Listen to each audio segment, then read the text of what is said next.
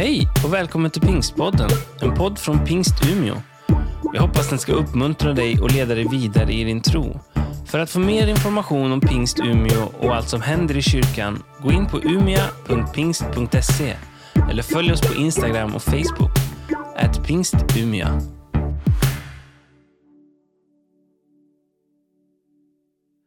Tack Lydia. Så fint att vi får mötas här i kyrkan och be tillsammans. Och jag, jag blev så glad när jag kom hit idag. Då mötte jag en, eh, en av dem som eh, arbetar med ledningen av vår kommun och som berättade att vi, vi startar nu, vi bildar nu en, eh, en bönegrupp på Stadshuset för alla som vill be för vår kommun och som är kommunanställda. Så på fredag 16.30 då är det första bönesamlingen på plats. Jag tänker, vad va fint! Och det där är ju någonting bra. Det kan man ha på många arbetsplatser, inte bara i en kyrka utan även ja, men där man finns. Man kan be om att få ett rum, en plats där man kan få gå åt sidan och samlas för reflektion och eftertanke. För bön, säg gärna det rätt på raden tänker jag. För eh, meditation är okej att använda i alla möjliga sammanhang. Eh, det går också att säga bön. Jag behöver tid för stillhet för att klara arbetet.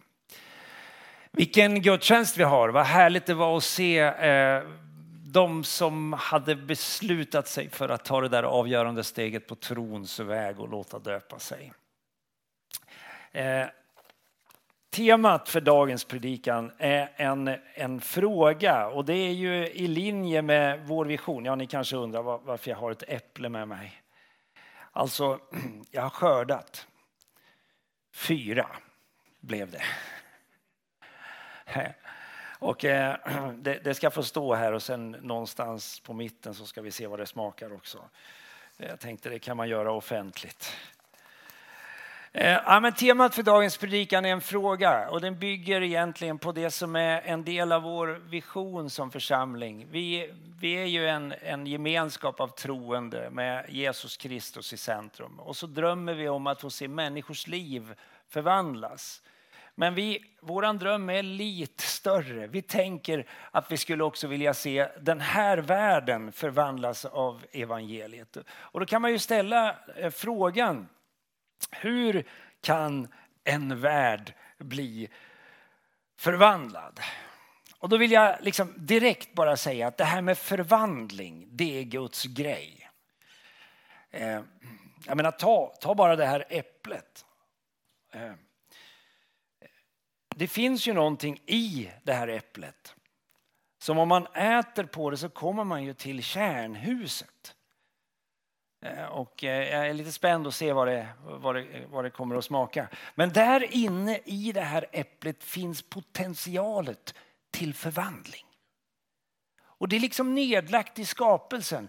Så när vi kastar bort äppelskruttet och tänker nu har det här gjort sitt. Så ser inte Gud i himmelen som har skapat vår värld och eh, allt det vackra och sköna ett, någonting som ska kastas bort. Utan han ser någonting som kan förvandla. Förvandling, det är verkligen Guds grej. Och, och, det kan man ju säga om man läser Bibeln. Jag vet inte om vi har nästa bild. Eh, eh, om man, om man eh, läser Bibeln så ser man att det där det pågår precis hela tiden. När vi människor ger upp om våra liv och tänker att det här går inte, då ger inte Gud upp. När saker och ting går sönder och vi är beredda att kasta bort, då förvandlar Gud. Han griper in.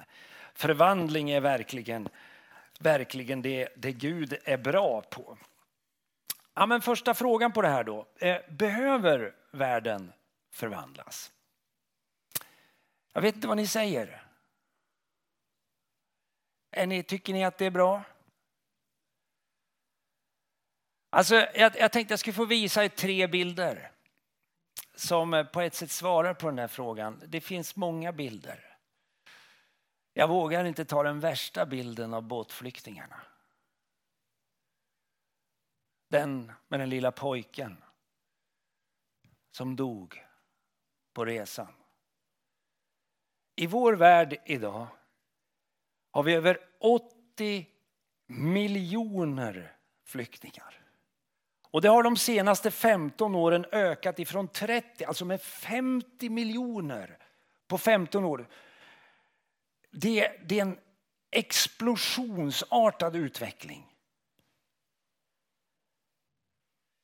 Tre länder är värst drabbat. Ett land hade jag faktiskt dålig koll på. Afghanistan, det är Syrien och det är Venezuela i Latinamerika.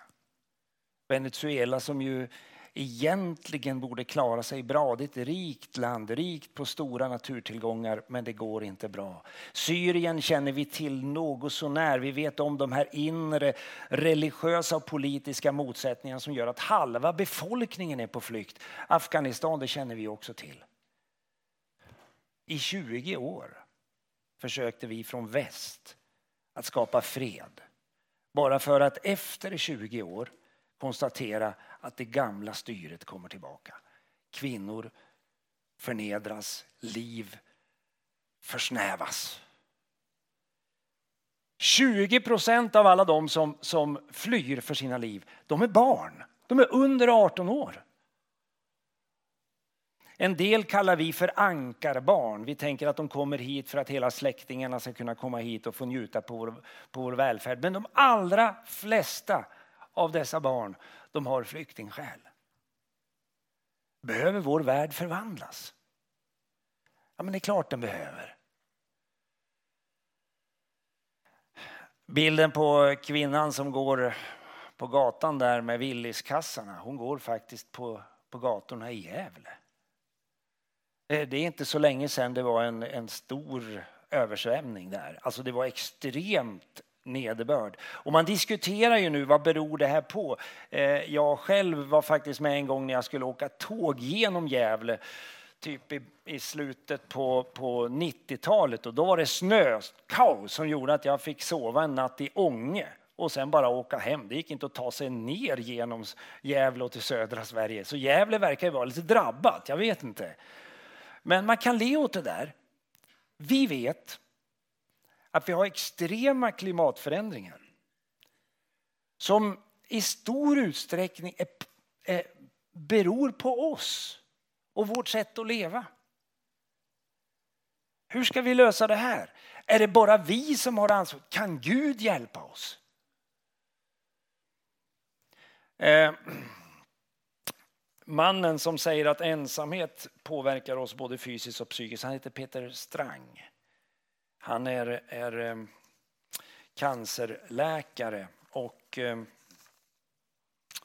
ja, har jag mina fina anteckningar. Onkolog, alltså han sysslar med, med eh, forskning kring hur, hur människan hanterar sjukdomar som är obotbara.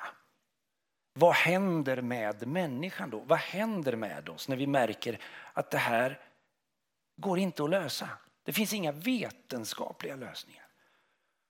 Då säger Peter att då kan människan drabbas av en, en ensamhet som, som gör henne illa, inte bara, fysi, inte bara psykiskt utan även fysiskt. Det kan förvärra situationen. Och så talar man om tre former av ensamhet. En, en känslomässig ensamhet, det vill säga att man inte har någon att dela dela sin kärlek med. Man talar om en social ensamhet, att det inte finns något, liksom ett sammanhang att dela sitt liv. Och så talar man om en existentiell ensamhet. Det där som du och jag som finns här i kyrkan går till Gud med. När ingen annan har något svar, då vänder vi oss till Gud liksom och säger så här, vad, vad, vad ska jag göra? Det här har politiker idag eh, identifierat som ett, ett samhällsproblem. Så går du in på Folkhälsomyndigheten läser du inte bara om hur vi ska hantera covid-19 utan om hur vi kan möta och hantera en växande ensamhet. Det är ett samhällsproblem. Så här behövs församlingar. Här behövs gemenskaper som är öppna och som säger Ja, men jag vill gärna att du är med. Okej. Okay. Ja, men hur kan världen förändras? Hur ska vi göra då? Ja, hur har vi gjort? Det är klart man kan förändra världen med bomber. Jag, eh, USA har ju provat ganska många gånger. Jag, jag, är, jag gillar ju USA, jag vill säga det bara. Men, men det är klart, 1945, eh, det här satte punkt för andra världskriget. Men till vilket pris?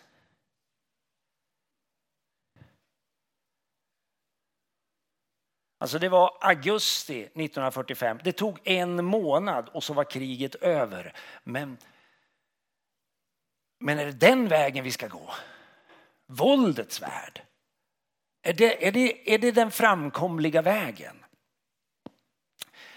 Nej, det tror vi ju inte. I USA har andra. Där i USA finns människorättshjältarna. Martin Luther King, jag tänker på honom 1963 när han håller sitt tal om drömmen om en värld präglad av jämlikhet, frihet, demokrati. En värld där var och en kan få uttrycka sin personliga övertygelse utan att vara rädd.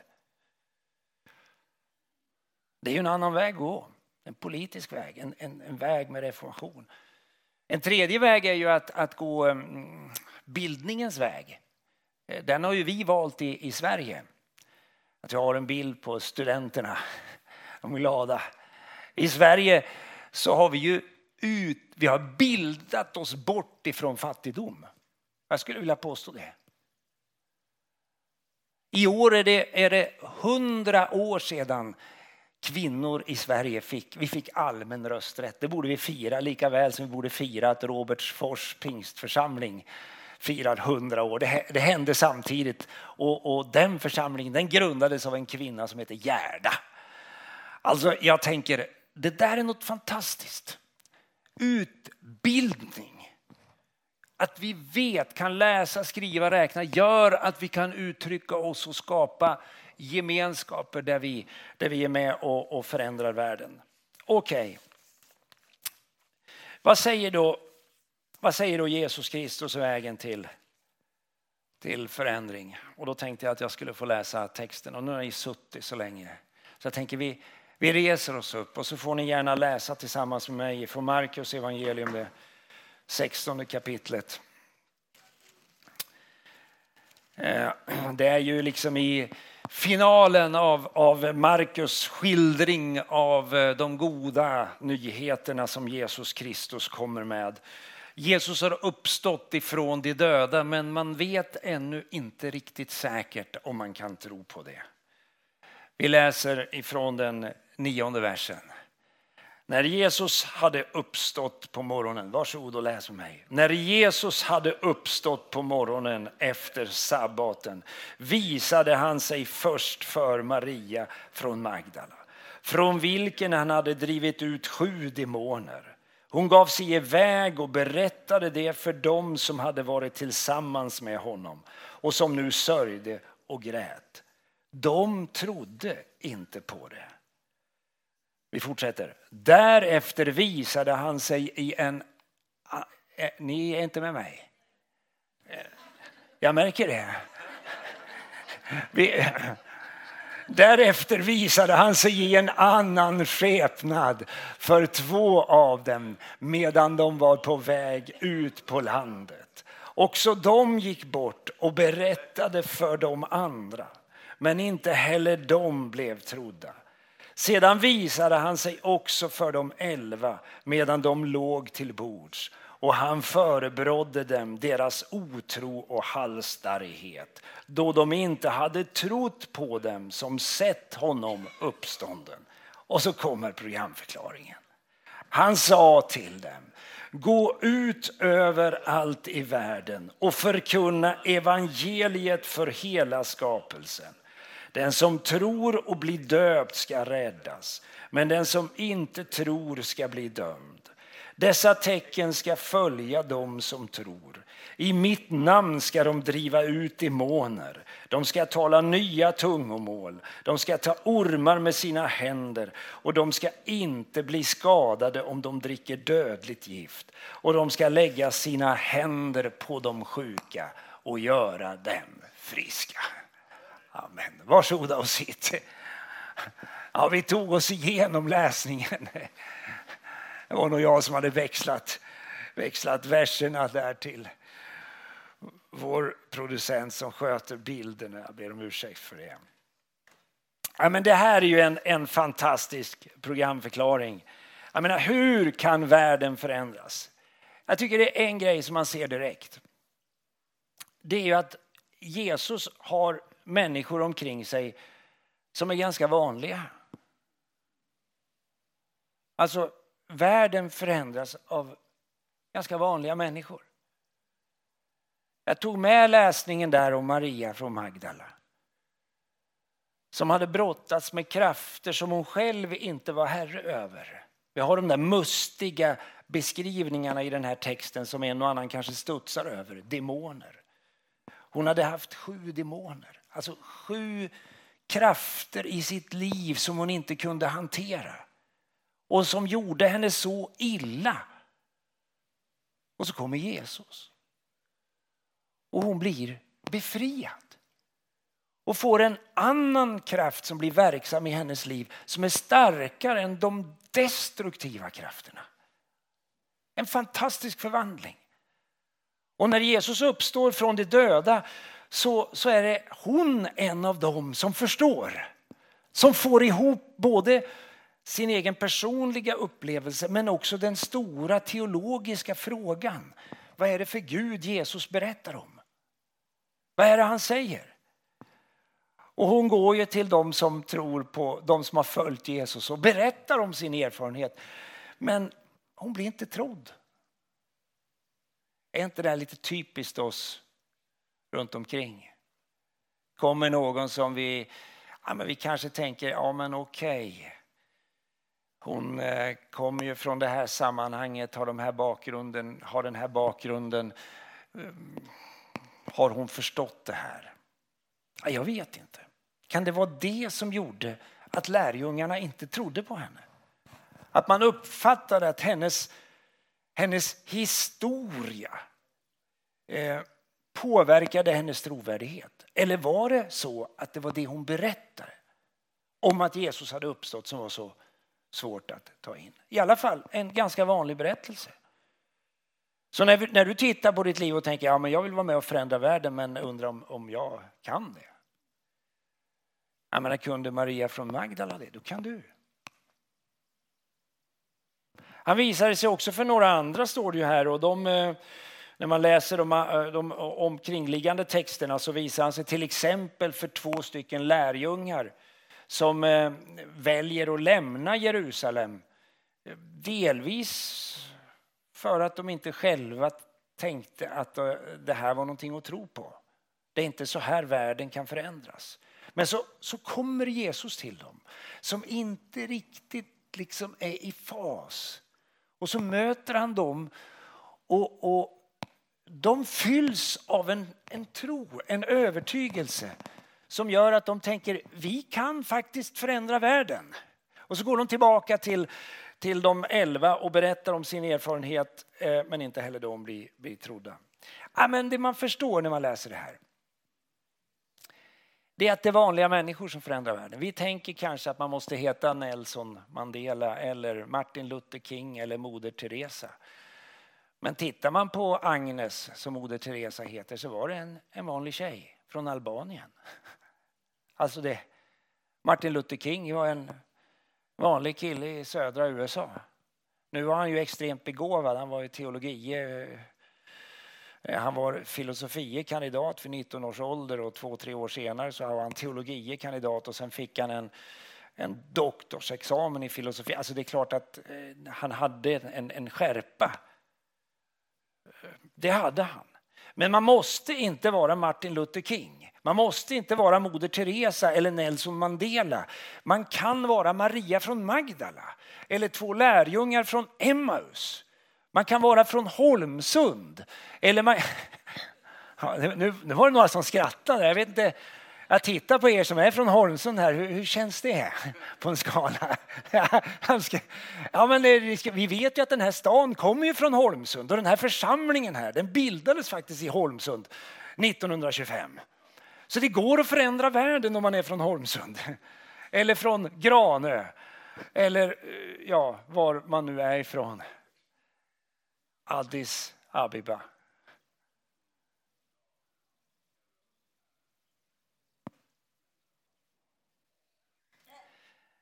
Vad är Jesu väg då? Vad säger han? Hur, hur ska vi göra för att förändra världen?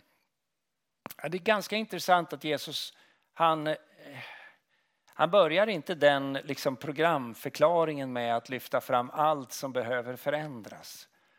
Utan eh, Jesus är väldigt tydlig här att världen förändras genom att förkunna det goda budskapet. Förkunna evangeliet. Berätta för världen att det finns frälsning genom Jesus Kristus. Berätta på gator och gränder, berätta var helst du går fram. Berätta att det finns en god Gud i himmelen som både är vår skapare och vår frälsare. Han satte inte bara igång det för att sen sitta i sin himmel och titta och undra hur ska det gå, utan han har en tanke att rädda världen. Bibeln säger att Gud älskade världen så mycket att han sände sin enfödde son. Alltså den Gud Jesus berättar om, han vill rädda världen. Är du med? Och, och det ska vi berätta. Vi är inte kallade att förkunna undergång och död. Vi är, för, vi, vi är kallade att förkunna evangeliet, de goda nyheterna. Och så börjar Markus sin berättelse. Han hoppar över hela historien. Om du läser Markus evangelium så börjar han med att säga här börjar evangeliet om Jesus Kristus Guds son. Och så gör han liksom den där programförklaringen. Jesus, det är hans jordiska namn. Kristus, det är hans messianska namn. Och Guds son, det är hans gudomliga namn. Så han visar att han vet vad han pratar om. Det där det ska vi berätta om. Och, och då säger faktiskt Jesus någonting som är ganska intressant. Vi, jag, jag, menar, jag gillar institutioner. Jag är väldigt tacksam för våra institutioner i vårt samhälle. Jag tänkte faktiskt på det i somras när, när, när det var regeringskris. Statsministern avgick. Kommer ni ihåg det? Det, det är nästan, ni vet i Sverige som det kan ske. Det blev inte krig i Sverige. Inbördeskrig. Det blev inte några, några strider på Stockholms gator, inget nytt blodbad i Stockholm. Utan det blev en, en, ett samtal. Hur löser vi det här då? Och så den där fryntlige talmannen. Han är ju så ärlig, bjuder på kakor och pratar och så, och så löser man situationen. Eh, visserligen kanske delvis bara temporärt. Jag vet inte hur det ska gå nu i höst. Vi får be för vår riksdag. Be att de hittar vägar till samverkan för Sverige och världens bästa. Och inte bara för sin egen överlevnads bästa. Jag tror det är en viktig distinktion för alla som har ledarskap. Varför leder jag? Leder jag för min egen skull eller leder jag för, för dem jag har i uppgift att tjäna? Vi ser då att Jesus talar inte om institutioner här, även om han ju delvis är orsaken till ganska många institutioner som har byggts upp i hans spår. Så, så talar han om individens förvandling. Förkunnar ni evangeliet gör ni lärjungar om ni, om ni samlar någon eller några och går tillsammans med dem och berättar för dem om vem jag är och de får gå tillsammans med er så kommer deras personliga värld att förvandlas. Men, men när deras personliga värld förvandlas så kommer det att få konsekvenser för deras omgivning. Och efterhand kommer världen att förändras. Det blir en ny kultur. Det blir en, en, en ny lagstiftning och det blir en, en ny, eh, ett nytt sätt att interagera i samhället. Det blir nya församlingar, nya gemenskaper. Hela den där resan som vi ser att vi har fått gjort i vårt eget land. Det sker om ni förkunnar evangeliet. Speglar man den här texten i, i Matteus 28 där, där vi har en liknande ett liknande en liknande undervisning från Jesus så kopplar han förkunnelsen av evangeliet till att göra lärjungar, döpa, leda människor fram till ett avgörande beslut men också att lära och undervisa. Det andra Jesus tar upp som är, är, är viktigt för oss att förstå det är att ta upp kampen emot ondskan. Alltså Jesus säger eh, både till lärjungarna och även i den här texten eh, att vi ska driva ut demoner. Och, och, nu kommer vi igen till de där mustiga orden. Demoner det är ju destruktiva krafter som både vill den enskilda individen illa men också hela samhällen. Som kan påverka en kultur, vi säger att det sitter i väggarna. Kan skapa känslor och tankar som gör människor illa och som hindrar utveckling och tillväxt. Och då tänker ni kanske att jag låter som en politiker, men jag tänker inte ekonomi utan jag tänker på människans utveckling. Att hon växer och utvecklas och får blomma och bli vad hon är skapad till.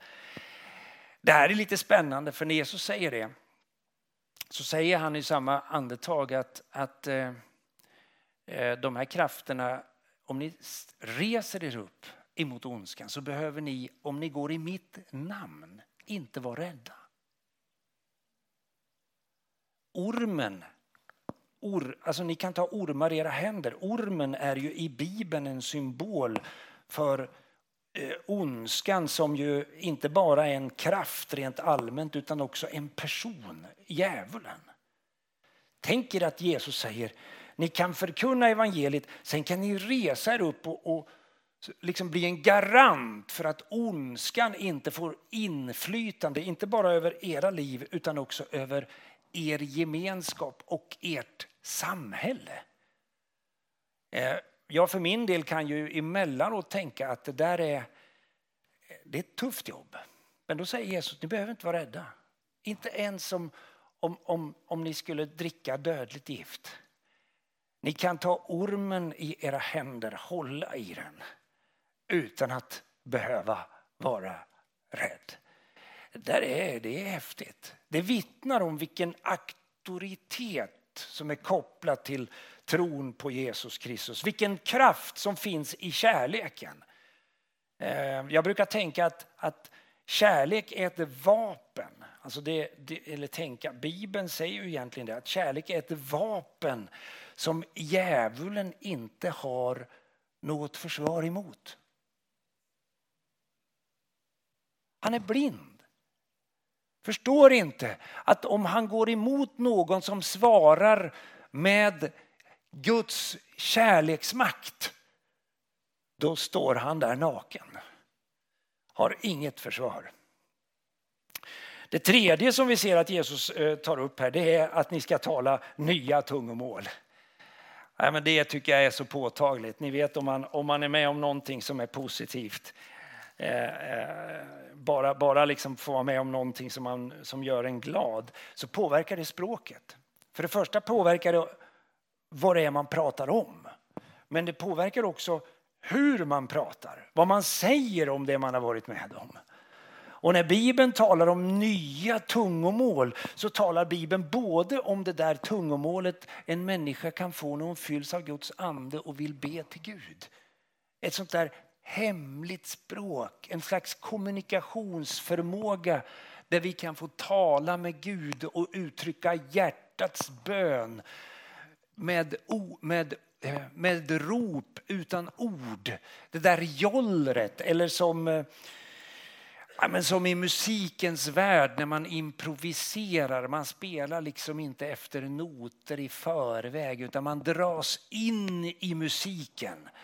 Eh, det där händer ju inte mig så ofta för jag är inte så begåvad rent musikaliskt. Men jag, jag förstår att det händer om man spelar jazz.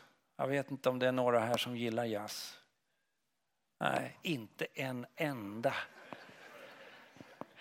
Ja, men jag har väl hört någon sån här saxofonist som kommer loss va? och man tänker det där var inte snyggt. Eh, men det är väldigt tekniskt och så märker man att nu är musikern inne liksom i musikens värld, indragen i orkestern. Han är inte från sina sinnen. Han är fullt medveten om vad han gör, eller hon. Men det är liksom en kommunikation. Där har du det vi kallar för tungomålstalandets innersta kärna. Barnets joller, när, hon, när barnet ser sin mor eller sin far i ögonen och märker där är de som älskar mig mest på he, i hela världen. Det går liksom inte, det bara kommer. Men nya tungomål handlar faktiskt också om hur vi pratar med varandra. Vi märker att när, när anden uppfyllde lärjungarna på pingstdagen, eller de troende, då fick de ord att förkunna evangeliet för människor som de aldrig hade träffat tidigare. De fick språket som gjorde att de kunde sätta ord på vad evangeliet handlade om in i nya kulturer, in i nya sammanhang. Och så började världen förvandlas. Eh, om man studerar eh, hur lång tid det tog innan den kristna tron faktiskt inte bara eh, påverkade Israel och Libanon, Syrien, Turkiet, Grekland utan faktiskt nådde hela vägen fram till Rom så kan man säga att efter 20 års förkunnande av evangeliet så fanns det en kristen församling i varje stad i hela romarriket. Sen tog det omkring 200 år för att denna tro skulle förvandla och eh, kan man säga, påverka politiken så kraftfullt att om man skulle vara kejsare i Rom så var man tvungen att böja sig för Jesus Kristus. Annars hade man ingen chans att bli kejsare. Man kan diskutera det där om, om, om, om, blandningen mellan politik och religion. Den, den kan man alltid diskutera. Men det är intressant att se att en värld faktiskt kan förvandlas. Det sista som Jesus talar om i den här texten om hur en värld kan förvandlas det är, det är just det här att lägga händerna på de sjuka och göra dem friska. Jag ser eh, en och annan läkare i, i samlingen här. Jag vet att många av er är sjuksköterskor, en hel del jobbar inom vården. Ja, men ni vet, ni vet väl om att ni gör det Jesus talade om att människan ska göra. Ni förmedlar hälsa och läkedom. Ni står liksom i evangeliets tjänst. På de sjuka ska ni lägga händerna och göra dem friska.